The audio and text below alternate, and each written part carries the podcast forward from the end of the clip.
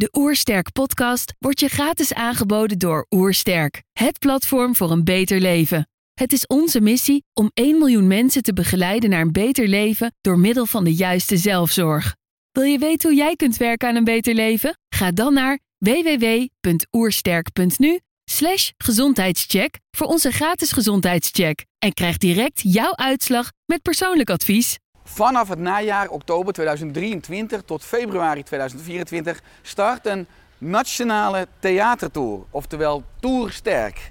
Heb jij ook zin in een avondje lachen, maar ook vooral inzicht te krijgen waar je levenslang van profiteert. En dat je bewuster, vitaler naar huis gaat, een unieke beleving hebt samen met mij, zodat we samen het gezondheidsvirus verspreiden in Nederland en België. Want dat heeft de moderne tijd enorm nodig. Ik sta nog niet in Carré in Amsterdam, maar wel 26 kleine theaters bij jou in de buurt. Dus hopelijk kom je naar mij toe, want ik kom naar jou toe en zien we elkaar snel. Mijn naam is Louise Blikkenhorst en dit is de Oersterk podcast.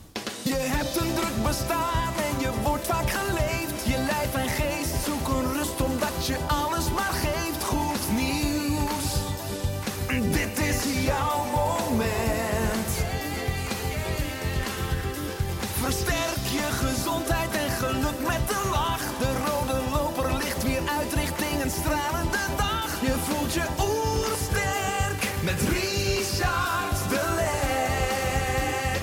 zijn hier in Heemskerk voor een podcast met Louisette Blikkenhorst. Louisette is specialist ketogene leefstijl en therapie. Ze is oprichter van het Ketogenics Instituut. Ik ben benieuwd naar haar tips voor een beter leven. Trouwens, geniet je van onze podcast? Abonneer je dan en laat een reactie of review achter. Zo help je ons om het gezondheidsvirus te verspreiden. Let's start! De Oersterk Podcast. Een ontdekkingstocht naar een beter leven. Louisette, welkom. Dankjewel. Op je website staat leefstijlziektes de wereld uithelpen. Dit kan met ketogene voeding als therapie en leefstijl. Mijn missie is om een ketogene leefstijl bij een groter publiek bekend te maken. En waarom vind je dit zo belangrijk? Omdat er nog zoveel onkunde is en zo'n gebrek aan kennis over wat eh, ketose en ketonen kunnen doen in het lichaam. Terwijl ieder mens beschikt daarover. Ehm, je kunt het aanboren door je voeding aan te passen of door bepaalde leefstijl aanpassingen te doen. En het biedt zo ontzettend veel ja, energie en ehm, eh, ja, ook, positieve effecten op de gezondheid. eh, dat ik eigenlijk niet begrijp dat het niet vaker gedaan wordt en dat het algemeen bekend is. Dus vandaar dat het mijn missie is geworden om dat eh, ja, te delen met een groter publiek. Mooi, nou dan gaan we een uur dieper induiken. Misschien kunnen we het beste starten bij het begin. Wat heel veel luisteraars gaan kijken misschien zullen afvragen. Wat is een ketogeen dieet precies? Dan misschien als extra vraag, wat is een gezond ketogeen dieet? Ja, nou heel kort door de bocht is een ketogeen dieet een manier van voeden waarbij het, eh, de mogelijkheid ontstaat om ketonen te produceren in het lichaam. Dat betekent dat het een voeding moet zijn die heel laag is in koolhydraten, waardoor de insuline, het, het eh, hormoon insuline, tot bepaalde waardes daalt, wat eh, het mogelijk maakt om vetten af te gaan breken, zowel vanuit je eigen lichaam als vanuit, of vanuit de voeding. En vanuit die eh, vetafbraak ontstaan ketonen, zal ik maar zeggen. Ehm, en dan een gezond ketogeen dieet. Ik hoorde toevallig van de week nog een mevrouw vertellen over iemand die, die ze kende. Die eh, deed een ketogeen dieet met frikandellen en mayonaise. En dat is nou een typisch voorbeeld van wat niet een gezond ketogeen dieet is.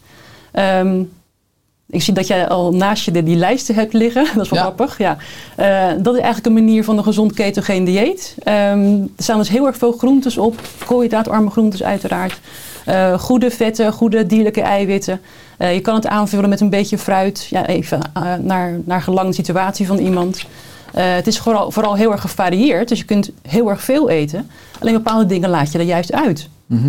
En dat zijn de koolhydraatrijke voedingsmiddelen. Ja, en je, je doelt dan op de, de keto leefstijllijst, hè, die Ja. je kunt downloaden op je website, maar daar kom ik op terug. Ja. Eh, ik opende net natuurlijk de podcast met wat ik zie, eh, de stelling op je website, leefstijlziektes de wereld uithelpen, hè, uitroepteken. Eh, is een ketogeen voedingspatroon volgens jou de oplossing voor alles? Of zijn er ook omstandigheden waar je beter dit dieet niet kunt volgen?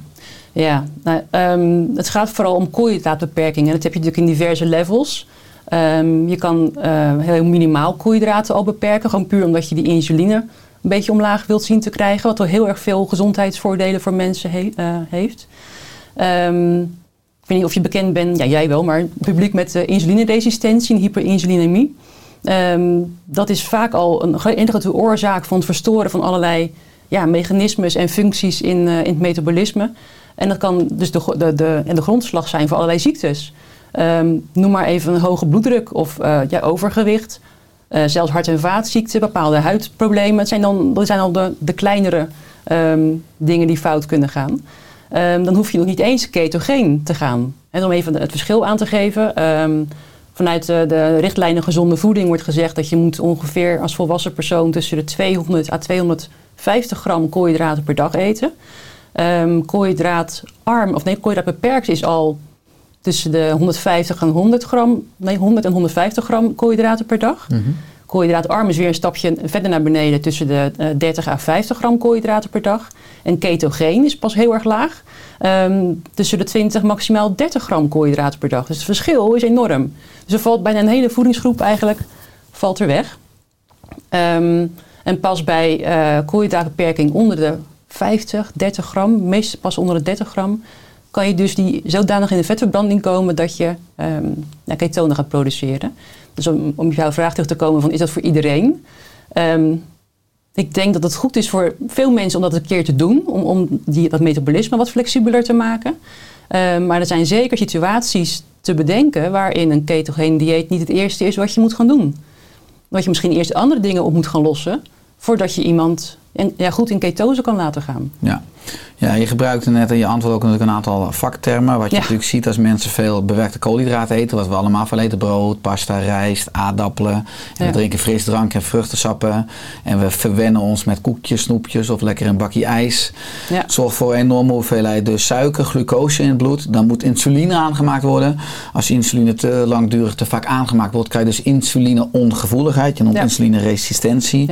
En leidt tot een verhoging van insuline in de bloedspiegel. Wat zorgt voor hyperinsulinemie. Hè? Ook Ja. een woord wat je net zo mooi uitsprak. Ja. Eh, als we toch bezig zijn met, met vaktermen. Hè? Wat is ketose en wat is ketoadaptatie? Ja. Nou, ketose is de staat waarin je, het wordt, wordt zo genoemd eigenlijk, de staat waarin je dus ketonen aan het produceren bent. En ja, wanneer, wanneer weet je dat nou of dat zo is, dat kun je heel makkelijk meten. Dat kan je onder andere doen met zo'n urinestikje. Dat gewoon heel simpel, even in een, drupje urine. En als die verkleurt, dan weet je dat er in ieder geval ketonen in je urine zitten. Een keto-stick heet dat. Een keto-stick, Ja, precies. ja. Ja, als Ja. mensen die denken, hé, hey, dat wil ik ook wel. Maar Ja. ga googlen op keto-stick. Ja. Ja, dat is zo'n zo'n klein teststripje is dat.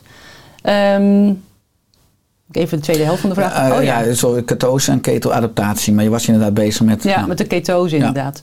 Ehm, en officieel is de, eh, de ondergrens van ketose is 0,5 millimol per liter hoe, aan, aan ketonen in je, je bloed of in je urine eh, wat gemeten wordt. Ehm, dus vanaf dat moment kunnen we zeggen je bent in nutritionele of in, in voedingsketose.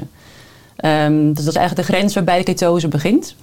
Ehm, ja, dat kan je nagelang je, je voedingskeuzes of, of bepaalde andere leefstijlhacks kun je dat, eh, kun je dat volhouden. Eh, en hoe langer je in de ketose bent, hoe meer je lichaam zich gaat aanpassen aan de aanwezigheid van ketonen in het bloed. Dat zie je ook in het begin eh, als iemand net in ketose is en ze, gebruiken zo'n keto-stickje om, eh, om te testen in de urine. Dan kan het zijn dat die pimpelpaars uitslaat en vol met, met ketonen zit. Maar dat zijn de ketonen die je niet gebruikt, die je uitgeplast hebt. Ehm, en dan zie je vaak dat als mensen dus wel gewoon eh, alles blijven doen zoals het moet om in ketose te blijven, dat ze na verloop van een paar weken zeggen: hé, hey, mijn keto-stickjes worden veel minder paars. Ze zijn nu wat donkerder roze of ze worden lichtroze. Wat doe ik fout?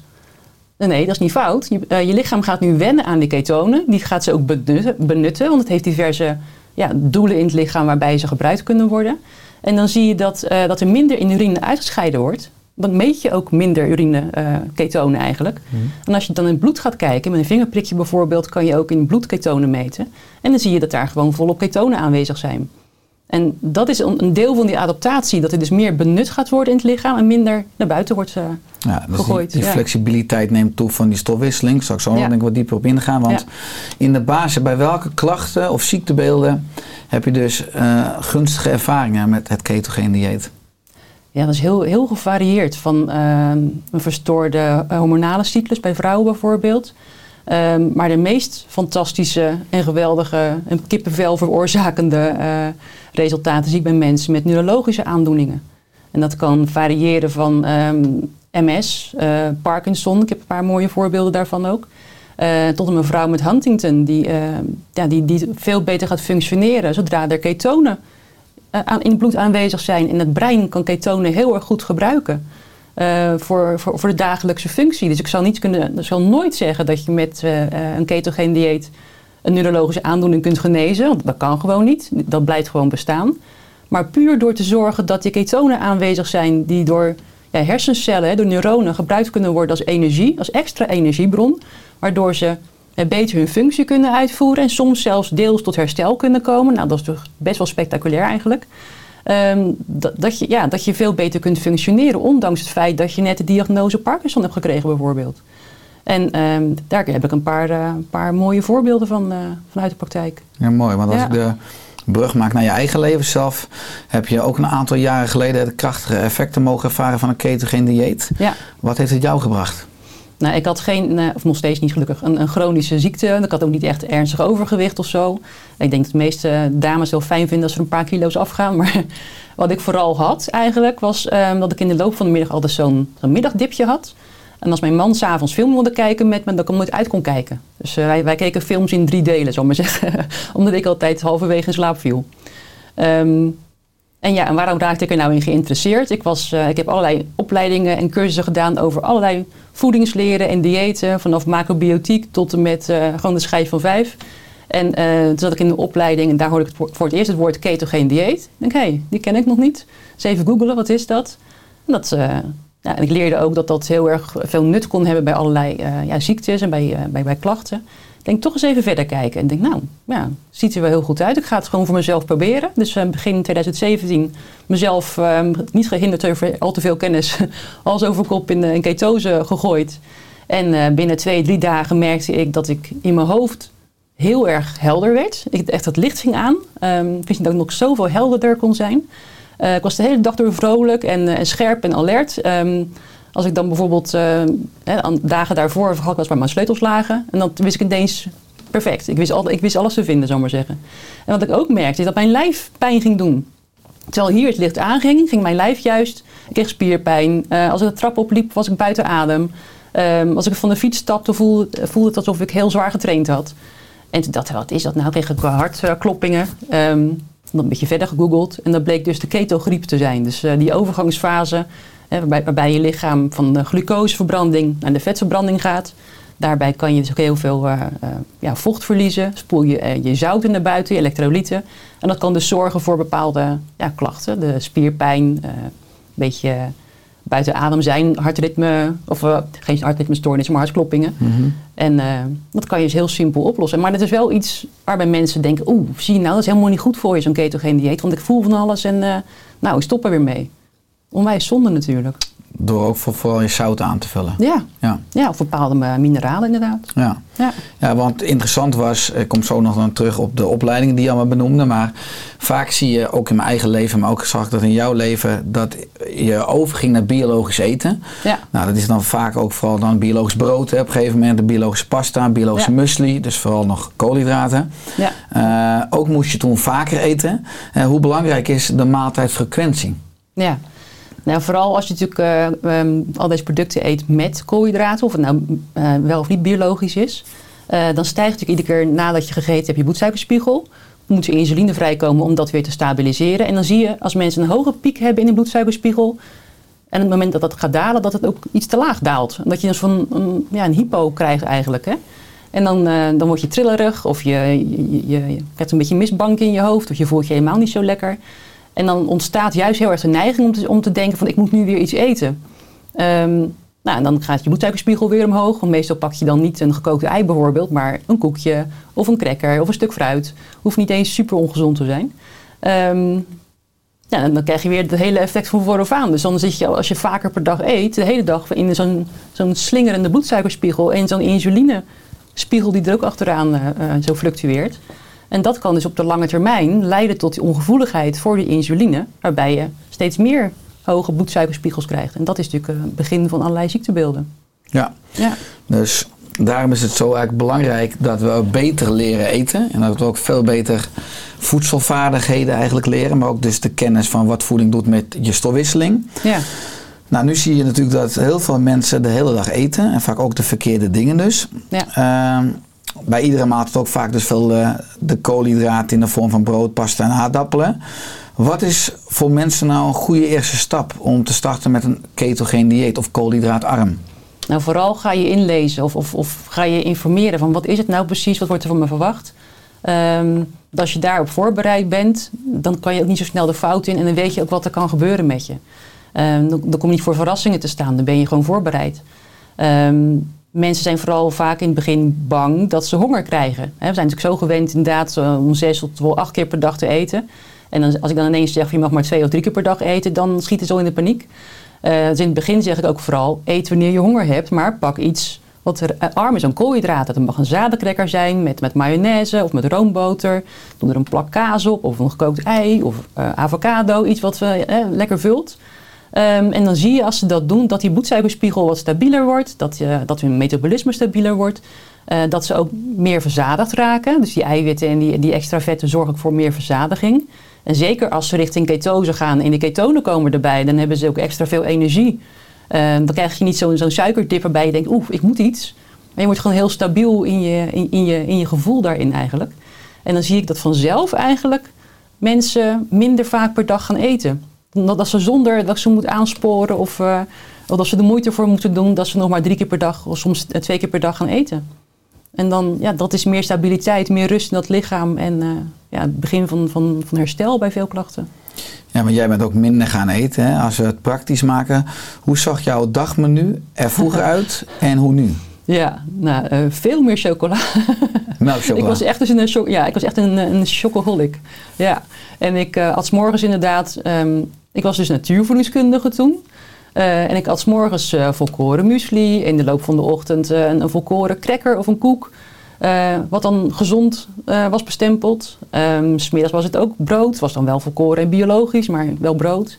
In de loop van de middag at ik nog wat. En s'avonds, uh, ja, met, met gezin toch uh, iets van pasta of aardappels. En gewoon lekker veel, uh, veel koolhydraten. Maar ik was de hele dag door hongerig eigenlijk. Dus dat, uh, dat, dat hield op, uh, behoorlijk op. Uh, eerst toen ik al meer paleo ging eten, zal maar zeggen, met je meer oervoeding. Dan ga je al wat minder koolhydraten eten en wat meer volwaardige, ja, nog meer volwaardige voeding eigenlijk. Um, en toen ik eenmaal met, met een ketogeen dieet begon, of een ketogeen voedingspatroon zou ik maar liever zeggen. Um, toen nam ik mijn lunchtrommeltje mee naar mijn werk. Die ging, die ging vol mee naar huis. Ik dacht, hé, ik heb, ben gewoon vergeten om eraan te denken zelfs. Dus dat, uh, ja, en ik kan nu voor staan met, met uh, twee, drie keer per dag eten. Makkelijk. Mm -hmm. ja. ja, heel mooi hoe je jezelf eigenlijk aanvult. Je noemt de ketogeen dieet, het is uh, eigenlijk een leefstijl. Hè? Ja. Wat is volgens jou het verschil tussen een dieet en een leefstijl? Ja, ik denk dat vaak de vergissing wordt uh, gemaakt dat bij ketogeen dieet wordt gedacht aan de vorm van de ketogeen dieet die nu nog in een klinische setting wordt gebruikt uh, bij kinderen met onbehandelbare epilepsie. En um, dat is een vorm van een dieet wat het meest bekend is geworden in de afgelopen nou, dik 100 jaar. Um, daarbij wordt wel 90% van het totale voedingspatroon uh, ingenomen door vet. Nou, dat is echt heel erg veel. En dan moet je vaak ook ja, bepaalde aanvullingen gaan gebruiken. Bijvoorbeeld MCT-olie, bepaalde vetten die ervoor zorgen dat je sneller in ketose komt. Um, en er is maar heel erg weinig ruimte voor eiwitten en koolhydraten, maar, maar 10%. Nou, dat is een, manier van ketogeen dieet die bij die kinderen met epilepsie heel erg heilzaam is. Maar voor, voor, voor jou en mij, voor de meeste Nederlanders, is dat helemaal niet nodig om het zo extreem te doen. Dan kan je volstaan met minder van die vetten en wat meer koolhydraten en, en veel meer eiwitten. En dan je het ook veel langer vol, kun je veel gevarieerder eten. Dus ik krijg ik heel vaak de vraag van mensen van... Uh, ja, maar een ketogeen dieet mag je toch helemaal niet zo lang doen... want dan krijg je deficiënties en je, je kan niet zoveel uh, fruit eten, niet zoveel groenten. En uh, hoe doe je dat dan? Maar um, dat, dan verwarren ze dat denk ik met, dat, met de klassieke ketogeen dieet... waarbij je zo heel erg weinig andere dingen dan alleen maar vet kunt eten. En, en bij die kinderen die dat dus op die manier doen... moet ook een, een gespecialiseerde diëtiste aanwezig zijn... Ja, die controleert of, uh, of er geen deficiënties ont, uh, ontstaan, of er geen groeiachterstand ontstaat. Dus tekorten, ja. Ja, precies. Ja. Ja. ja, want als we het praktisch maken, ook voor de luisteraar en de kijker, wat zijn nou gezonde variaties voor het ontbijt? Waar zou je op een gezonde manier ja. ketogeen je dag mee kunnen starten? Ja, um, idealiter begin je met, met iets wat niet al te zoet smaakt. Eh, ik zie toch veel mensen die 's hele grote bakken met eh, Griekse yoghurt eten en daar lekker veel bessen in doen. Want het is laag in, eh, in koolhydraten. En op zich kan dat werken, maar ik denk dat het beter is om 's morgens te beginnen met iets wat meer, wat meer vetten en wat meer eiwitten heeft. Dus eieren is vaak een goed idee. Kan je daar nou niet tegen, kan je ook denken aan zadencrackers met wat... als je tegen kaas kan, kan je wat kaas doen. Of je legt er een plakje kipfilet op. In ieder geval iets laag in koolhydraten. Wat meer eiwitten, wat meer vetten. En dan zal je zien dat je veel langer de ochtend door kunt zonder nog extra ja, te moeten eten bijvoorbeeld. Ehm, maar ook ja, bijvoorbeeld kokosjoghurt is, eh, vind ik een goed alternatief. En als je tegen zuivel kan eh, en je wil het graag 's morgens eten, hè, neem dan in ieder geval de volvette variant. Eh, doe daar wat noten in. Of er zijn ook speciale granola's, hè, van die muesli's tegenwoordig. eh, die heel erg laag in koolhydraten zijn. Dus ja, het wordt steeds makkelijker ook, eh, ook om het uit te voeren. Ja, Ja. dan stabiliseer je die bloedsuiker, waardoor je eigenlijk ja, die ochtend prima Ja. doorkomt zonder veel trek. Ja. Nou, dan kom je op een gegeven moment bij de lunch. En wat is dan ook weer bij de lunch een goede ketogene optie? Ja, nou, als ik voor mezelf spreek, ik heb meestal een soort van eh, een feestje in de keuken. ik kijk in mijn eh, eh, koelkast, er liggen altijd wel eieren en, en eh, kip en vis en ehm, nou, wat er ook wel mag zijn. Dan pak ik gewoon een groot eh, pluk sla of nog eh, wat sperzieboontjes van de avond ervoor of wat groentes die ik over heb. Eh, doe het lekker op een bord, doe er wat kip bij en wat eieren en wat nootjes bijvoorbeeld. Eh, goede vetten, dat kan een... ja, mayonaise is altijd een beetje een, een heikel punt, hè, want er zitten vaak toch suikers in en ook vaak verkeerde oliën. Ehm, Zonnebloemolie vaak, ja. ja, zonnebloemolie. En dat kan natuurlijk in bepaalde gevallen ehm, ontstekingen bevorderen eigenlijk. Dus ehm, nou, heb je daar mee te maken, zou ik zeggen, neem een mayonaise op basis van avocadoolie bijvoorbeeld. Of maak hem zelf met olijfolie. Dat is wel wat straffer van smaak, maar eh, goed. Ehm, dus ja, dat, zo kan je natuurlijk een hele mooie salade maken. Eh, of ja, ik, bak eieren met spek, doe ik ook nog wel eens. Is keto brood te krijgen tegenwoordig. Dat, eh, dat kan je gewoon zelf maken met amandelmeel bijvoorbeeld. Maar er zijn ook veel meer varianten voor mensen die niet meer zoveel amandels willen, willen eten.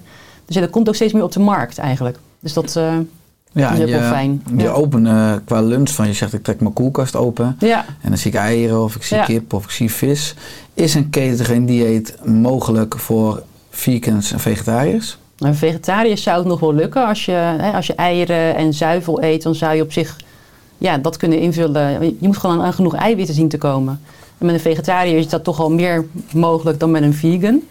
Ehm, als je natuurlijk alleen maar plantaardig wilt eten en helemaal niets dierlijks wilt eten, dan zal je dus eh, je eiwitten moeten halen uit ja, peulvruchten bijvoorbeeld, uit granen. Ehm, en dat, ja, die zijn weer rijk aan koolhydraten. Dus dat, dat, dat botst met elkaar. En ik weet dat er eh, online eh, websites zijn of op social media dat er groepen zijn waar, waar vegans zijn die wel ketogeen eten. En op zich lukt dat. Je kan ook van frikandellen en mayonaise in ketose raken. Je kan ook van alleen maar groentes eten in ketose raken als je de koolhydraten maar laag houdt. Maar ik denk op de lange termijn dat er toch bepaalde tekorten ontstaan door een gebrek aan eiwitten.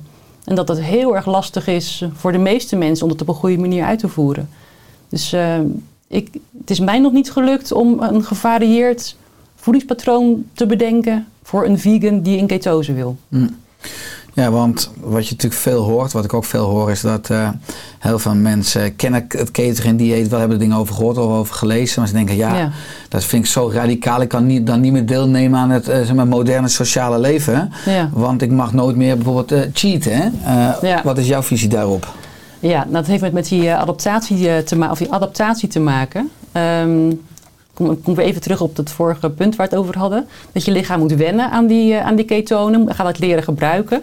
Ehm, en hoe langer je in ketose bent, hoe, langer, hoe beter je dat vast kunt houden.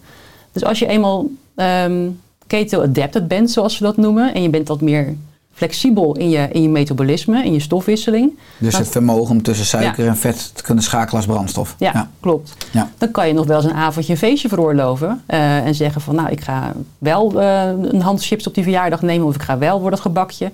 Dan zal je waarschijnlijk uit ketose raken. Of soms ook niet. Dat is heel gek. Ehm, ik heb het zelf getest. Eh, dat ik toch wat extra chocola kon eten. En dacht van, hé, hey, ik ben nog steeds in ketose. Grappig, hoe kan dit? Ehm, dus blijkbaar was ik dan zo gevoelig eh, geworden voor de insuline dat, dat, eh, dat het prima ja, ging. Ehm, maar, maar op die manier kan je dus, als je die flexibiliteit hebt en die, eh, die gevoeligheid is, is groter geworden en die adaptatie is, is verder ja, ontwikkeld, dan kan je nog wel eens een uitstapje veroorloven. Dan kan je op vakantie gaan en zeggen van nou, deze week ja, ik ga het niet al te gek maken, maar ik ga wel dat ijsje eten. Of ik ga wel dat, dat drankje nemen op het terras. Ehm, of ik ga wel met de kinderen een hand popcorn eten bij de bioscoop of zo. Ja, en dan zou jij ketose zijn. Maar als je dan weer de draad oppakt, dan ben je ook binnen, binnen twee dagen, soms binnen, binnen 12 uur alweer terug in ketose. Dus dat, eh, en zo kan je er een leefstijl van maken. En kan je ook daar een beetje mee, mee spelen. Dan kan je erin en eruit. En eh, ja, dat eh, is een flexibele manier van ermee omgaan. Ja, je staat natuurlijk altijd als mens in wisselwerking ook met de omgeving. Ook de mensen met wie je omringt. Ja, Ik hoor natuurlijk heel vaak, natuurlijk al jaren ook in mijn workshops en trainingen, dat vooral van vrouwen hoor je dat dan dat die thuiskomen en we gaan oervoeding of paleo eten. En dat de partner zegt van nou, eh, Ja. schatje gaat je gang maar, maar ik wil gewoon mijn balletje gehakt en mijn aardappeltjes. En dus je maakt Ja. maar twee potjes. ja. Hè, dus wat als je omgeving, dus je partner of je vrienden niet willen meewerken? Ja, dat is een lastige. Dat is altijd een van de dingen die ik altijd uh, navraag als mensen bij mij in de praktijk uh, kwamen, toen ik nog een praktijk had. Um, van ja, hoe, hoe, hoe is je leefsituatie? Uh, heb je kleine kinderen? Uh, dat is vaak al lastiger. is je partner hierin mee, ja of nee? En zo niet, dan kan je best wel veel dingen doen of combineren met elkaar. Dat jouw man en kinderen gewoon bijvoorbeeld, of je partner en je kinderen gewoon hun pasta met, met pastasaus kunnen eten. En dat jij dan pastasaus hebt met bijvoorbeeld ja, een, een koolhydraatarme variant op, op pasta. Hè. Bijvoorbeeld is een prima alternatief. Uh, of dat je voor je man en, en, kinderen wel... Ik ga even vanuit de vrouw spreken natuurlijk. um, dat je dan wel um, aardappels kookt voor jezelf. Dat je bijvoorbeeld zegt, nou ik doe er gewoon wat extra groentes bij in plaats van, die aardappel. En dat is even, even omschakelen. Maar als je het eenmaal onder de knie hebt... Ja, is dat ook een, ja, een tweede natuur die ontwikkelt. En dan wordt het ook een leefstijl. Dus ja. Dat, uh, ja. ja. het kost soms in de basis even wat extra energie en moeite. Maar ja. soms moet je omgeving gewoon ook eventjes het voordeel van de twijfel geven. En als we dan ook bijvoorbeeld zien dat je enorm lekkere en smakelijke maaltijden hebt. En dan mij even een happy, gaan ze soms natuurlijk ook gewoon mee. Ja. ja. Uh, als je kijkt naar nou, ook al jouw kennis, je hebt vele opleidingen gevolgd. Je noemde het net, hè, onder andere macrobiotiek, orthomoleculaire geneeskunde en de klinische psychoneuroimmunologie. Uh, wat hebben deze opleidingen jou gebracht? Ik denk vooral een hele brede kijk. Hè. Macrobiotiek was waar ik mee begon ooit. Uh, vond ik super interessant, maar dat zag ik niet gebeuren bij mezelf. Toen naar natuurvoedingskunde, uh, gewoon de schijf van vijf, leefstijlcoach. Toen bij orthomoleculair kwam ik terecht. Dan ga je al wat meer de paleo kant op. En um, wat, daardoor snap ik vaak heel goed dat mensen zeggen van ik ben gewend zo te eten. Of vanuit die visie eet ik zo. Of ik, ik, pas het zo en zo toe. Dan denk ik oké, ik snap waar je zit. Um, en ik zie welke problemen je hebt. Maar zou je deze stappen moeten zetten om bij meer gezondheid te komen en het voedingspatroon wat beter bij je past. En uh, ja, ik denk dat als je dus heel breed kunt kijken, dat je niet op één uh, punt gefocust bent, dat je mensen ook veel beter kunt ja, helpen daarin. Ja. ja, je hebt ook een uh, online een opleiding gevolgd bij professor Tim Noakes ja. van de Real Meal Revolution. Ja. Hoe was dat? Ja, dat was gewoon online inderdaad. Dat was gewoon stel, zelfstudie en heel veel filmpjes kijken en uh, ja, uh, handouts lezen. Um, ik heb hem zelf toen niet gezien. Um, wel John O. Proudfoot, die is dan de eigenaar van de Real Meal Revolution. en ook schrijver van, van diverse boeken met, met Tim Noak samen. Um, online examen gedaan en gewoon live met Zuid-Afrika. En ja, toen was ik geslaagd. Ehm, en ik heb nog wat meer opleidingen ook gedaan via Nutrition Network, waar ook Tim Nooks aan verbonden is. Ja, en dat. Ja, hij is natuurlijk wel een, voor veel mensen een groot voorbeeld. Hij heeft ook zoveel ook meegemaakt, maar ook zoveel zelf ondervonden. Hè, en uh, aan zijn gezondheid uh, gekoppeld aan, aan zijn koolhydraatbeperking. Dat, uh, ja, dat vind ik een heel mooi voorbeeld. Ja, ik vind Tim Nooks enorm inspirerend, omdat hij ook ja. natuurlijk enorm aangevallen is door de tijdsgeest, maar ook eigenlijk door de voedingsindustrie. Want voeding ja. is natuurlijk een enorm ook economisch krachtenveld interessant ook als we naar gaan kijken naar voeding als medicijn. Hè? Want als we eten en drinken iedere dag, daar ligt enorm veel macht. Ja. Waarom hebben veel reguliere behandelaars zo'n aversie? Zou je misschien dan kunnen noemen tegen een ketogeen voedingspatroon? Ja, um, nog steeds, als we naar, de, naar die richtlijnen gezonde voeding kijken, staat erin dat verzadigde vetten nog steeds heel slecht voor je zijn. Dat, dat je daar te vaatziektes van krijgt. Er wordt nog steeds gezegd dat je um, zoveel koolhydraten nodig hebt om aan je energie te komen. Nou, dat blijkt ook niet helemaal waar te zijn in, alle, de meeste gevallen. Um, maar waar het ook een misverstand is, is ketoacidose en ketose. Dat wordt vaak door elkaar gehaald. En ketoacidose is een, eigenlijk een heel erg vergevorderd stadium van, van ernstige ketose. Nou, dat haal je niet als je een gezond mens bent. Um, met, met een gezonde pancreas, een gezonde alvleesklier die nog steeds insuline produceert. Zolang je dat hebt, hoef je niet bang te zijn dat je in ketoacidose komt. Dat zien we vooral bij mensen met diabetes type 1, die geen of nauwelijks nog eh, insuline produceren. Daar kan die ketose maar ongebreideld blijven ja, doorgaan. Eh, en dan zie je dat de ketonen heel hoog worden, maar ook het bloedsuikerspiegel heel erg hoog wordt. Krijg je een soort acidose, een verzuring in het lichaam. Ehm, wat uiteindelijk gevaarlijk kan zijn. Dan kan je zelfs wel in coma raken. En als je er helemaal niks aan doet, dan kom je zelfs te overlijden. En dat is er zo ingehamerd bij de reguliere ja, gezondheidsprofessionals. Dat ehm, die, die andere varianten, die, die kennen ze eigenlijk niet. Valt mij op. Mhm. En zijn er andere mythologieën of onjuiste aannames die je ook vaak tegenkomt of vaak hoort? Ja, ehm, wat ik ook wel vanuit de orthomoleculaire hoek veel hoor, is eh, dat er wordt gedacht dat als je een ketogeen dieet volgt, hè, of een ketogene leefstijl, want ik wil echt woord dieet een beetje, een beetje kwijt, Ehm, dat, je, eh, dat je daarmee je darmfunctie verstoort. Hè. Je hebt ook, eh, er wordt gedacht dat je heel veel vezels nodig hebt om butyraat, dus een korte keten vetzuur, te kunnen produceren. Dat je daar dus eh, vezels voor moet eten. Die moeten gefermenteerd worden door je bacteriën in je dikke darm. Ehm, en als je, dat, als je geen vezels meer eet, of, na- of minder vezels vanuit granen of vanuit zetmeelrijke voeding, dat je daar dus problemen mee gaat krijgen met je, met je darmflora. Dat, dat blijkt niet zo te zijn. Dat is juist. Het zou natuurlijk wat zijn als je, als je darmflora afhankelijk zou zijn van maar één bron voeding. Dat is natuurlijk evolutionair niet handig. Eh, je moet vanuit meerdere bronnen voeding moet je eigenlijk een bepaalde functie kunnen, kunnen uitvoeren. En dat kan een darmflora echt prima. Dus dat blijkt eh, niet altijd eh, het geval te zijn dat je door minder vezels te eten een verstoorde darmflora krijgt. Hm. Dat, dat, is- dat is een mythe. Ja. Ja. ja, want als je, wat ik benoemde net al een beetje voeding als medicijn. Ik vind het soms, eh, nou, misschien eh, interessant, laat ik dat woord dan gebruiken. Als je kijkt naar ook mensen die vandaag in ziekenhuizen liggen, wat die te eten krijgen hè, Ja. van eh, de voedingsassistentes en ook te drinken krijgen. Hoe kijk jij nu naar de moderne maatschappij, maar ook eigenlijk de huidige zorg en misschien dus je wel het gemis aan voeding als medicijn? Ja. Ja, ik zeg wel eens gekscherend. Het lijkt wel een, rare vorm van klantenbinding in het ziekenhuis. Dat, eh, de voeding die ze krijgen, dat draagt totaal niet bij aan een, aan een genezingsproces van, van de patiënt die in het ziekenhuis ligt. Eh, en dat zal echt niet met opzet gebeuren hoor. Maar, eh, Nee, maar als je zegt klantenbinding, dan indirect is het natuurlijk zeker waar dat de verkeerde voeding ervoor zorgt dat je langer in het ziekenhuis blijft liggen. Of dat je weer eerder terugkomt in het ziekenhuis. Dus dat, dat is een beetje de paradox.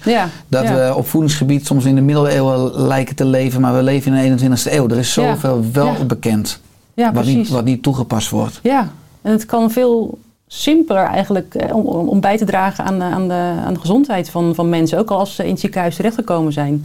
Door te zorgen dat ze ehm, veel minder koolhydraten te eten krijgen. Dat ze eh, gezonde eiwitten krijgen. ehm, gezonde groentes. eh, de juiste vetten in plaats van een kant-en-klaar cupje met eh, ja, geraffineerde olie bijvoorbeeld. Dat zou al zo'n verschil maken. Ik hoef echt niet iedereen op een ketogeen dieet in ziekenhuis. Dat lijkt me onmogelijk. Maar de verbetering van kwaliteit van voeding kan natuurlijk vele malen beter.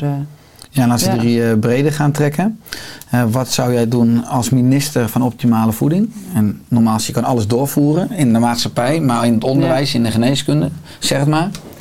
Ik zou mensen ervan willen doordringen, hè, als ik die, die, die mogelijkheid had. eh, dat, ehm Die heb je, want je bent minister, Ja, precies. dus, eh, ja, ga dat je ben ik geworden, oké. Ehm, dan zou ik ze in ieder geval van doordringen en uitleggen waarom zoveel koolhydraten slecht voor je zijn. En ehm, zelfs als je koolhydraten uit fruit haalt, waarvan wordt gedacht dat het wel gezonde suikers zijn, dat dat ook niet zo is voor je lichaam.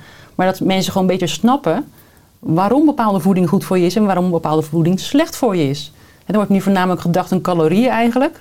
Ehm, maar naar het soort calorieën wordt niet gekeken. Dus ik zou juist meer ja, onderwijs eigenlijk willen voor, eh, ja, voor, voor, voor, de, voor de, zowel de kleintjes als de grote mensen. Mhm. Ja, het is interessant als je dan nu fruit benoemt. Hè? Want heel veel mensen die zijn er nu misschien met oren aan het klappen. Die denken, hé vrek, fruit is toch eh, gezond? En ik eet ook heel veel fruit. Ja. Nu is er ook een soort nieuwe stroming aan het ontstaan van fruitariërs. Ja. Hè? Die alleen maar op fruit leven. Ja. Ik vind het zelf ook interessant natuurlijk, maar ik vind er ook iets van. Maar wat is jouw perspectief daarop? Nou ja, als je eh, kijkt vanuit de ketogene hoek, vanuit eh, de insulineresistentie en die hyperinsulinemie hoek, zomaar zeggen. Ja, dan zie je natuurlijk dat eh, ehm, als je veel fruit eet, dat je bloedsuikerspiegel stijgt en dat daar diezelfde reactie op komt als wanneer je een, een reep chocola eet. Dus ehm, in, in fruit zitten natuurlijk wel andere stoffen die wel goed voor je zijn. ehm, die in reep chocola niet zitten. Maar het heeft hetzelfde effect op bloedsuikerspiegel. Dus zeker als iemand al bepaalde klachten heeft, zou ik zeggen, probeer die fruitinname een beetje te beperken. Eh, misschien moet je zelfs een paar weken even helemaal geen fruit eten. Dat kan je prima opvangen door wat extra groentes te eten bijvoorbeeld. Dan kom je ook aan je goede stoffen. Ehm, maar eet dan in ieder geval groente of eh, fruitsoorten die wat minder hoog in koolhydraten zijn. Bijvoorbeeld een paar aardbeien of een paar blauwe bessen. Dat gaat prima. Mhm. Dus dat, eh, Ja. ja. Ja, want dan zullen ook heel veel mensen blijven zeggen: ja, maar het ketogene dieet of ketogene leefstijl hè, is niet wetenschappelijk bewezen. Hè? Maar wat zegt de wetenschap over het ketogene dieet dan puur Ja. voeding, maar de ketogene leefstijl? Ja, nou, er is dus heel veel onderzoek aan de gang, al, al jarenlang ook gedaan. Eh, een heel mooi voorbeeld is eh, Richard Veach. Hij is eh, volgens mij in 2022, nee, 2020 overleden, 87 jaar. Ehm, en die heeft heel veel onderzoek gedaan naar, eh, ja, naar, naar ketonen, naar ketose. En er zijn heel veel meer wetenschappers die, die daar nog steeds tot op de dag van vandaag mee bezig zijn. Ehm, voor de mensen die graag lezen, Benjamin Bigman bijvoorbeeld. Echt heel interessant om te volgen. Ehm, en die zijn gewoon serieus bezig met onderzoek in, in laboratoria, met, met eh, eh, ja, goede onderzoeken eigenlijk. En die gaan aantonen van in bepaalde gevallen kan, eh, kan ja, ketose enorm ja, positief zijn voor de gezondheid en zelfs bepaalde ziektebeelden omdraaien. Ehm, en ik vind het zo jammer dat er niet meer ruimte is om dat eh, ja, aangenomen te laten worden. Dat er gelijk zo'n blokkade is eh, daartegen. Als er iets nieuws komt, dan wordt het eerst afgewezen. En eh, ja, dat vind ik enorm jammer. Want er is genoeg wetenschappelijk bewijs, ook vooral vanuit Amerika en Australië, Zuid-Afrika. Ja, Ja, ja dat past misschien nog niet helemaal dan in het huidige wereldbeeld. Want dat is ook interessant dat Ja. je ook hoorde zeggen dat de meeste reguliere behandelingen zijn gericht op suikerverbranders. Ja. Hè, omdat de moderne mens sinds de afgelopen twee eeuwen veel minder metabool flexibel is. ja. Is het dus ook de uitdaging van de geneeskunde om ook juist veel meer mensen vetverbranders te gaan maken? En ook de behandeling daarop te richten? Ja. Ehm, wat ik zie, en ook uit de literatuur haal, is dat mensen die regelmatig in ketose zijn en ook ketonen in hun bloed hebben, ehm, bepaalde systemen optimaliseren. Ehm, ze kunnen bijvoorbeeld beter hun, eh, hun immuunsysteem reguleren zonder dat ze een overreactie krijgen. Minder ontstekingsreacties, dus ook eh, chronische ontstekingen worden veel minder. Eh, tot op DNA-niveau kunnen ketonen bepaalde receptoren en bepaalde processen beïnvloeden. Nou, als je dat natuurlijk voor elkaar krijgt, dan krijg je een, een ander ehm, of een optimaler functionerend lijf. ehm, waarbij bepaalde medicijnen niet nodig zijn of misschien een andere uitwerking hebben. Want je hebt een, een ander functionerend metabolisme. Of optim- niet anders, maar optimaler.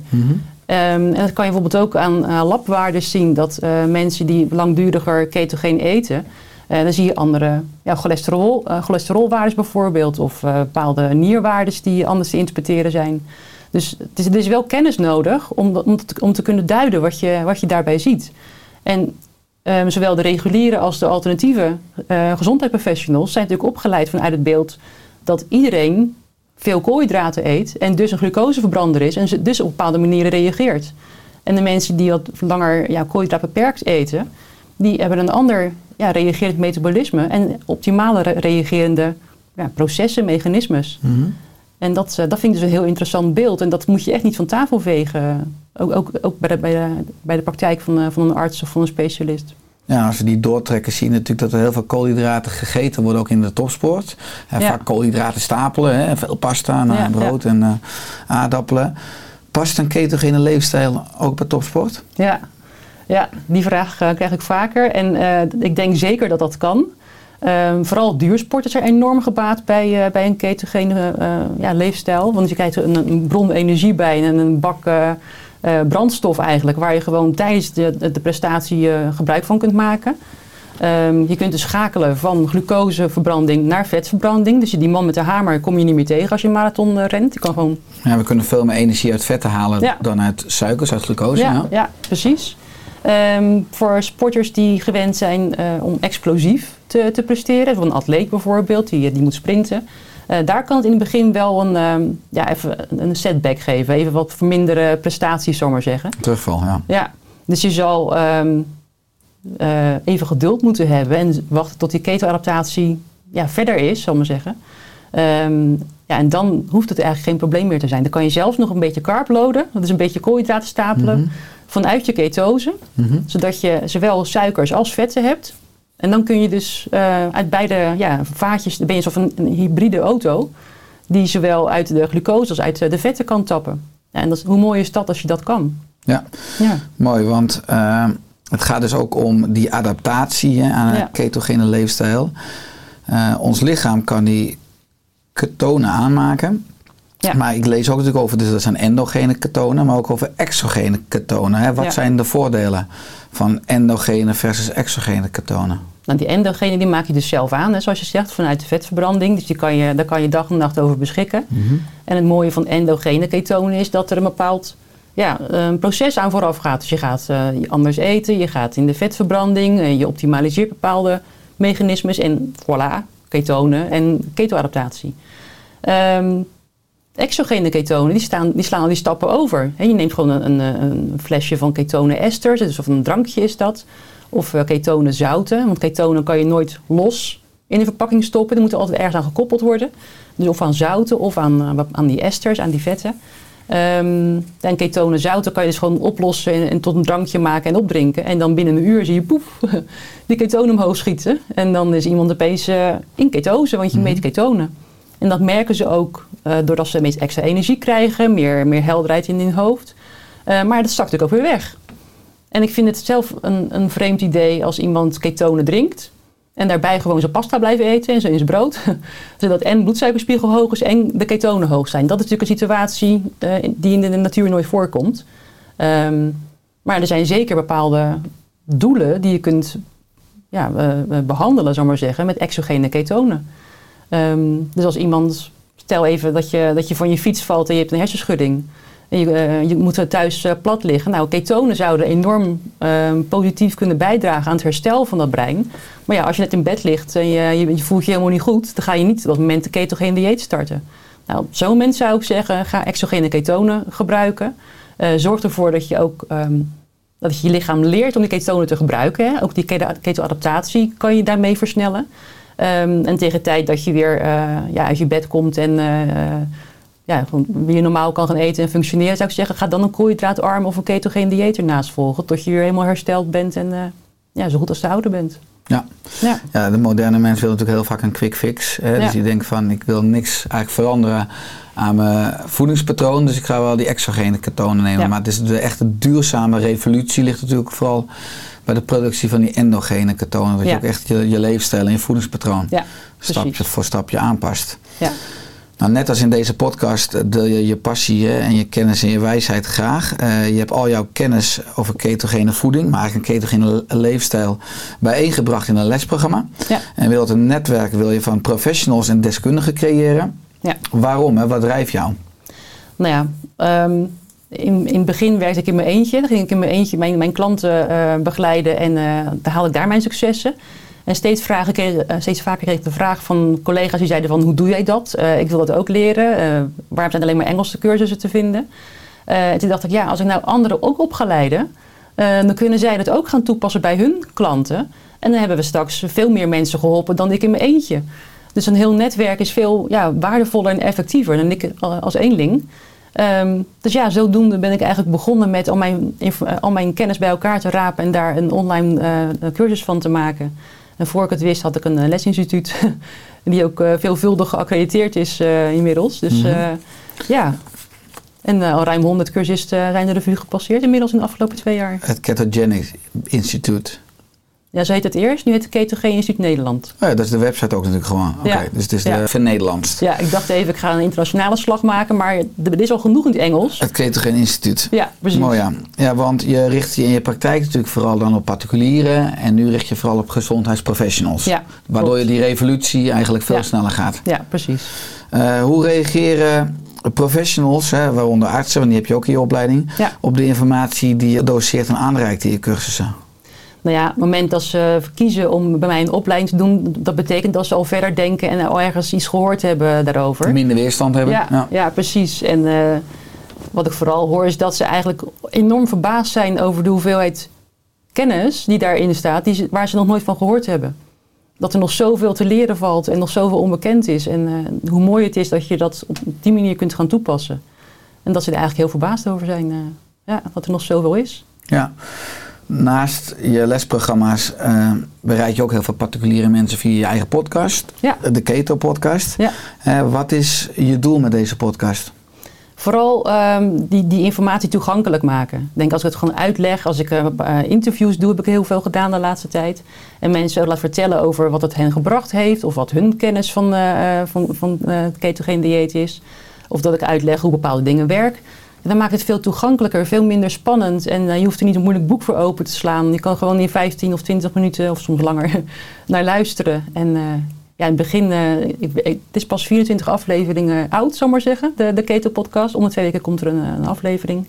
En ehm, nu komen er echt steeds meer reacties van mensen die zeggen, nou geweldig en je legt het mooi uit. En ja, dat is mijn doel, om, om dat maar bekender te maken. Precies, om Ja. die bewustwording te vergroten en het steeds te normaliseren, om het zo te zeggen, in, Ja. die- in, de, in dat landschap met veel polarisatie. Ja, ja. Je geeft aan dat je de laatste tijd ook veel interviews geeft. Word je ook af en toe uitgenodigd in de reguliere media om erover te praten? Nee, nog niet. Nee.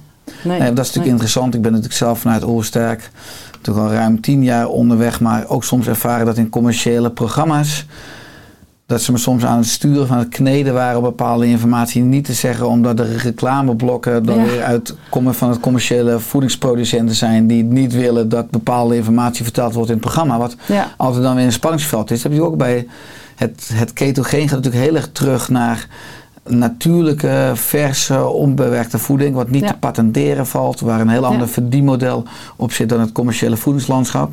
Maar dat is dan af en toe een spanningsveld. Ja, dat kan ik me voorstellen. Maar dat heb jij dus nog niet per se zo Nee, dat heb ik nog niet ervaren. Nee. media. Nee. Er zijn trouwens wel steeds meer producten die op de markt komen. En ehm, er zijn ook heel veel onzin ketenproducten waarvan ik denk, ja, moet je nou per se een reep eten waar keto op staat? En dat is dus niet per definitie gezond. Wat, eh, Ja, dus er komt nu ook een hele industrie in het ketogene landschap, omdat mensen, of ook merken, ja, gewoon het zien als een verdienmodel. Ja, dus waardoor precies. je hele onlogische producten krijgt. Ja, ja. Krijg je daar ook nog veel vragen over dan? Dat mensen natuurlijk ook misschien wel hulp of begeleiding willen van wat is dan veilig of wat kan ik beter Ja. niet eten? ja eh, ik denk nog steeds zo, zo puur en onbewerkt mogelijk. Het liefst gewoon echte voeding. Eh, Ik kan me voorstellen dat je op vakantie gaat, dat het misschien wel handig is om wat. je moet lang reizen of in een vliegtuig zitten of in een auto zitten. Dat het wel fijn is om dan zulke producten misschien mee te nemen. En ehm, er zijn ook echt wel goede producten. Ik denk, eh, die staan ook op mijn website, heb ik een paar voorbeelden daarvan. Maar ik hoor ook heel veel dingen ik denk, ja, moet je nou echt ehm, elke dag een, een keto muffin eten of een, of een reep keto chocola of, eh, of een keto kwarktaart bakken? Deed je dat voorheen dan ook elke dag muffins en taart eten? Dat, eh, Nee, ik ben- ben hou, het hou normaal, ja. En je ziet natuurlijk ook wel steeds meer mensen ook eh, MCT-olie in de koffie doen. ja. Bulletproof koffie is natuurlijk ook bekend met dan ook boter en MCT-olie. Wat is, wat is je perspectief daarop? Ehm, ik denk dat het voor heel veel mensen niet nodig is om, om zo vres- vreselijk veel vet te gaan, eh, gaan gebruiken. En de laatste tijd heeft er ook een, soort een schifting plaatsgevonden binnen de keto-wereld. Voorheen was het echt helemaal gefocust op eh, eh, overal slagroom in of kokosolie en MCT-oliën. En dat, kon, kon niet op. Helemaal overal mocht je maar vet overheen gooien. En met eiwitten moest je oppassen, want door de eiwitten kon je uit ketose raken.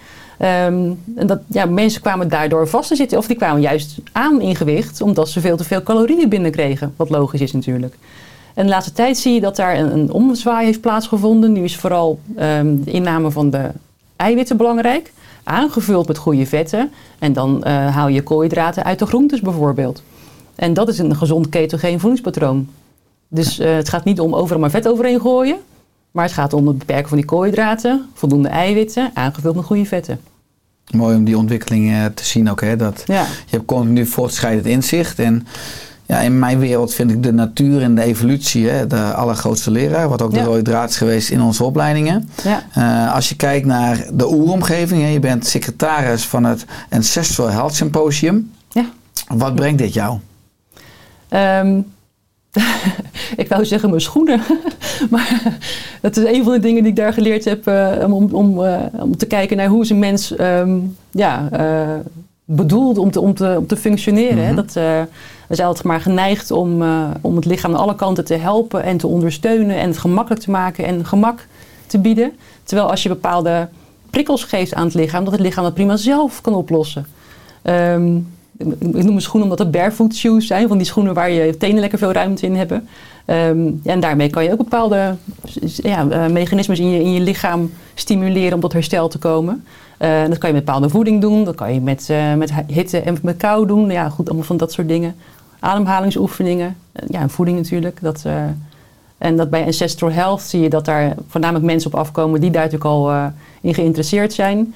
En dat, eh, ja, dat vind ik super interessant. Daar leer ik heel veel van en dit ik me ook graag voor inzetten. Dus dat, eh, ja, dat is mooi. Ja, het zijn mensen die ook parttime als oermens leven, maar ook, ja, zo noem ik het altijd, gewoon veel moeite, maar ook tijd, energie en geld steken in, nou ja, niet alleen voeding, maar ook gewoon leefstijl. Ja. Als je het hebt over een ketogene leefstijl en ook nou ja, de gezonde keuzes maken in het moderne leven. Zeker in vakanties vind ik dat ook best uitdagend. In vliegtuigen, op vliegvelden of nou, als je op de weg bent bij benzinepompen. Lukt het jou dan ook om trouw te blijven aan een ketogene leefstijl? Of wat zijn tips of hacks voor mensen die ook zeggen, ja nou inderdaad, hè, op die vlucht van acht uur, Ja. ik vast vaak dan, maar fijn. ja, ja. Wat zijn tips vanuit jouw perspectief? Nou, vooral voorbereiden, voorbereiden, voorbereiden. Dus zorg ervoor dat je iets bij hebt wat je kunt eten. Je, je, je kan van die voorverpakte worstjes hoeven niet echt de meest gezonde te zijn meteen, maar in ieder geval zijn ze koolhydraatarm. Ehm Frikandellen. Nee, geen. Je bijvoorbeeld eh, bepaalde vleeswaren die, eh, die, die wat langer goed blijven. Mhm. Eh, zorg ervoor dat je iets, iets zelf hebt gebakken, een keto brood wat je mee kunt nemen. Dat je ergens een blikje van meeneemt. Er zijn genoeg dingen te, te, te, verz- te verzinnen die je onderweg mee kunt nemen. Bepaalde granola's, bepaalde zadenbroden kun je maken. Er is genoeg te verzinnen wat je mee kunt nemen voor onderweg. En waarbij je toch ja, in die ketose kunt blijven. En ja, nog een betere optie is misschien wel als je dat lukt om te vasten. Dat je onderweg helemaal niet eet. Want als je keto-adapted bent of in ieder geval goed vet kunt verbranden, hoef je ook niet zo vaak te eten. Dan gaat het moeiteloos. Maar de Ja. revolutie ligt dan vooral dus in de voorbereiding. Ja. Als je op reis gaat. Ja, precies. dat je niet eh, met, preppen. met de rammelende maag eh, in een tankstation terechtkomt. Want dan eh, ja, heb je weinig keus. Ja. Ja. Met al jouw rollen in het leven. Hè, je bent nu vooral in deze podcast ingegaan op voeding. Maar hoe zorg jij voor balans in je leven? Heb je een bepaalde optimale blauwdruk? Ja. Ehm, mijn aandachtspunt is meer rust voor mezelf nemen. Vooral nu ik eh, met, met, de, met opleiding eh, eigenlijk in de startfase ben. Is dat best wel eens eh, druk.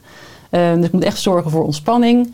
Ehm, ik zorg wel dat ik thuis eh, mijn oefeningen doe. Ik, ben, ik ga niet naar de sportschool, ben ik geen type voor. Maar wel eh, dat ik morgens nuchter eh, wat oefeningen doe.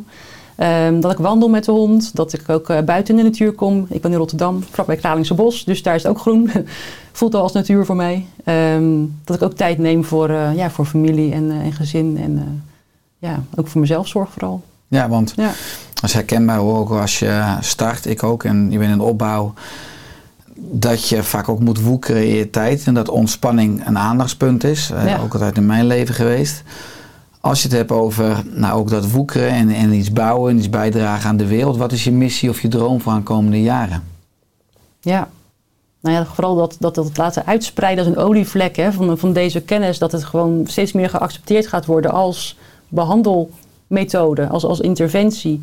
Ehm, en dat kan op, op een hele sterke manier zijn bij mensen met bepaalde ziektebeelden. Maar het kan ook preventief zijn als leefstijl waarbij je wat milder kan, kan, kan omgaan daarmee. Maar dat het gewoon bekend wordt, dat het omarmd wordt, dat het eh, geaccepteerd wordt. En dat, eh, ja, dat zou eh, wel een ultiem doel voor mij zijn. Ja. Ja. Je interviewt natuurlijk net als ik interessante mensen. Ook in je, in je podcast heb je ook bepaalde inzichten gekregen van je gasten. Waarvan je denkt, hé, hey, dit is ook echt weer een enorm vernieuwd inzicht. Dit, dit is, kan ik ook echt integreren in mijn leven. Je bedoelt echt van, eh, voor, voor, de, voor de leefstijlkant of, of vanuit hun ervaringen? Beide, meer ook vanuit voeding of leefstijlperspectief. Dat nou, iemand je een, een inzicht gaf wat je, waar je zelf nog wat je niet wist. Of wat je zelf niet toegepast hebt tot dan. Of, Ehm, moet ik even over nadenken of dat, eh, wat ik daar... Ehm, ik heb natuurlijk een aantal de, de revue zien passeren de laatste tijd, ook internationale. Zeker, dat is ook een, dat is een beetje Ja. waar ik op doel. Kijk, iedere Ja. podcast is voor mij toch altijd weer een bepaald inzicht, een bepaald onderwerp. Dat ik denk, oké, optimalisatie. In dit geval deze podcast, gewoon hoe, de hoeveelheid koolhydraten. Ja, Eh, ja, dat is toch interessant om dat ook, wat ik voor mezelf dan wat vaker te meten. Hè, van Ja. in hoeveel gram. Omdat bijvoorbeeld een banaan. Ja. En mijn jongens vinden bijvoorbeeld bananenpannenkoeken heerlijk. En dan maak ik s'morgens eh ja, nou ja, één op één, één banaan op één ei. Maar dan doe je soms ook vijf bananen erin en eh, vijf eieren, wat we dan wel Ja, samen ja. eten. Maar een banaan is 30 gram koolhydraten, dan heb je toch 150 gram koolhydraten. Ja, precies. Zou je dat in je eentje opeten, nou dan is ketogeen Nee, dat is eh, lastig. geen- Maar dat zijn, eh, dat zijn toch wel dingetjes waarvan ik denk, ja, toch, weer, toch af en toe een aandachtspunt. Ja. Ja. Ja, voor mezelf, ik ben nu net 50 geworden en dan krijg ik ook een beetje meer die hormonen die beginnen te schommelen. Ehm, en wat ik veel zie is dat eh, mensen gaan ketogeen eten en die willen daarbij, ook hun ontbijt overslaan, intermittent fasting gaan toepassen. En ik merk dat bij vrouwen ja, rond mijn leeftijd die wat meer eh, ja, richting de overgang gaan, dat dat niet altijd even handig is. En dat eh, heb ik geleerd ook van, van bepaalde gasten, maar ook, ook ge- teruggevonden in de literatuur. Ehm, dat is, het is een beetje een stressvolle periode hè, voor het lichaam eigenlijk, als je in die overgang raakt. Ehm, en als je dan s'morgens per se wilt gaan vasten met het idee van dat is goed voor me, dat is, eh, dat is een goede leefstijl, ik moet dat doen. Dat dat juist averechts werkt. Je, je zet die stress als nog meer aan, die cortisol, de stresshormoon, gaat juist meer omhoog. En eh, dan is het een enorme strijd om s'morgens maar dat ontbijt voor je uit te schuiven. Ehm, het werkt contraproductief, want dat- door toename van de stress ga je ook niet afvallen of lekker energie krijgen of lekker in je vel zitten. Dus dat, dat is een fabeltje. Maar als je nou merkt aan jezelf dat je morgens wakker wordt, je denkt, oh, weet je wel, ik, zou, ik heb slecht geslapen of ik zit niet eh, in een bepaalde tijd van, van, eh, van de maand bijvoorbeeld. Moet je dan tegen heugenmeug of, eh, proberen om te gaan vasten? Of kan je beter morgens iets eten waar wat eiwitten, wat goede vetten en misschien een beetje koolhydraten in zitten. Waar je gewoon lekker voldaan van bent en de hele ochtend zonder problemen mee voort kan. Nou, leer dat gewoon ook voelen. Ik denk dat dat heel belangrijk is, vooral bij vrouwen, maar ook bij mannen. eh, als je een bepaald ziektebeeld hebt of een stresssituatie zit. Gewoon luister naar je lijf en ja, handel daarnaar. Ja, creëer lichaamsbewustzijn. Ja, Enerzijds schets je nu vrouwen die eh, rondom de, eh, de overgang, rondom de evenaar wou ik zeggen, maar dat, dat is wat anders. Daar kunnen ze ook wonen, dan kan je ook in de overgang zijn. ja. Eh, je hebt natuurlijk ook vrouwen die nou, nog veel jonger zijn en natuurlijk iedere maand natuurlijk een ander hormonaal ritme hebben dan Ja. mannen. Ook rondom eh, de Ja. menstruatie en de ovulatie. Er zijn natuurlijk heel veel meningen over vasten bij vrouwen. Hè. Dat moet je, moet je wel doen, moet je niet doen, moet je niet zo lang doen. Ja. Eh, wat is jouw visie daarop? Ook de, bedoel ik vooral in de jaren van zeg maar, de vruchtbare periode. Ja. Ja, weer dat lichaamsbewustzijn. Dus luister naar jezelf. Als je 's morgens opstaat, je denkt, ik zou wel graag wat willen. Doe het dan ook. Ehm, maar wel, wel goede keuze maken natuurlijk. Maar als je het gevoel hebt van, nou, ik zou gerust kunnen overslaan, doe dat dan ook. Ehm, je wilt namelijk niet een extra vuur op je, op je, op je stressas gooien of extra olie op je stressvuurtje gooien. Ehm, en, en ja, die, die stress laten toenemen. Dus vooral leer daarnaar luisteren. Ehm, desnoods hou je een dagboekje bij op welke momenten van de, van, van de cyclus je dat wel kunt en andere dagen misschien helemaal niet. Dan leer je jezelf ook kennen. Of hou een app bij, die heb je tegenwoordig ook natuurlijk. Maar ga dat gewoon ja, onderzoeken en eh, leer het voor jezelf eh, ja, hoe het werkt en wat het beste werkt voor jezelf. Ja. Dus daarom ben ik ook niet zo'n heel erg fan van eh kant-en-klare ketelprogramma's. Van zo is het, je moet zoveel vet, zoveel eiwitten, zoveel koolhydraten en dat ga je gewoon een half jaar volhouden, alsjeblieft. Dus dat werkt niet voor iedereen zo. Dus vooral leren luisteren en leren toepassen van de dingen die je geleerd hebt, dat is het belangrijkste. Ja, dat is altijd persoonlijk maatwerk. Ja. Mooi. Eh Louisette, is aan het einde van de podcast nog iets dat je graag wilt toevoegen of aanvullen? Nou, wat ik nu vooral zie is dat ketogene voeding ehm, heel erg omarmd wordt door, door de menigte, door, door de particulieren. Dus van wisdom of the crowd noem ik dat maar. En dat de gezondheidsprofessionals eigenlijk achterblijven. En eh, er zijn steeds meer ehm, groepen op, op social media waar mensen elkaar adviseren. En tot wel duizenden groepen, duizenden personen groot, zo'n groep. Eh, het moment dat ze dan vastlopen of een bepaald ziektebeeld hebben of bepaalde klachten hebben, nou, dan moeten ze eigenlijk verder geholpen worden dan door, door, door groepsgenoten. Dan gaan ze op zoek naar een diëtist of naar een voedingskundige of een arts. En die zegt dan vervolgens, ketogeen dieet? Oh nee, nee, nee, nee. nee eh, ga maar gewoon zes keer per dag eten. Je koolhydraten moeten omhoog. En die mensen verliezen hun resultaten die ze behaald hadden. En ik denk dat er nog zo'n kloof zit tussen wat de mensen al ontdekt hebben eigenlijk en wat de gezondheidsprofessionals nog steeds denken. Ja, en die kloof die wil ik dichten. En ik denk dat daar ook wel wat meer eh, toenadering mag, eh, mag geschieden. Eens, dus waar kunnen mensen meer vinden over jouw instituut, hè, over jou? Ja, nou www.ketogeeninstituut.nl. Dat is mijn website. Daar vind je al informatie over de opleidingen. Maar ook voor particulieren vind je daar eh, de keto-leefstijllijsten bijvoorbeeld. En allerlei informatie, webinars, whitepapers, genoeg te vinden. En ze kunnen me ook altijd even contacten. En de keto-podcast natuurlijk. Aanraden, leuk. Ja, Louisette, dankjewel voor eh, je komst in de Oorstek podcast. dankjewel. Eh, graag gedaan dat we samen maar mogen werken aan een eh, ja, vitalere wereld met meer koolhydraatarme en ketogene voeding. En ketogene leefstijl. Lijkt me goed. Alle goed. Dankjewel. Dankjewel.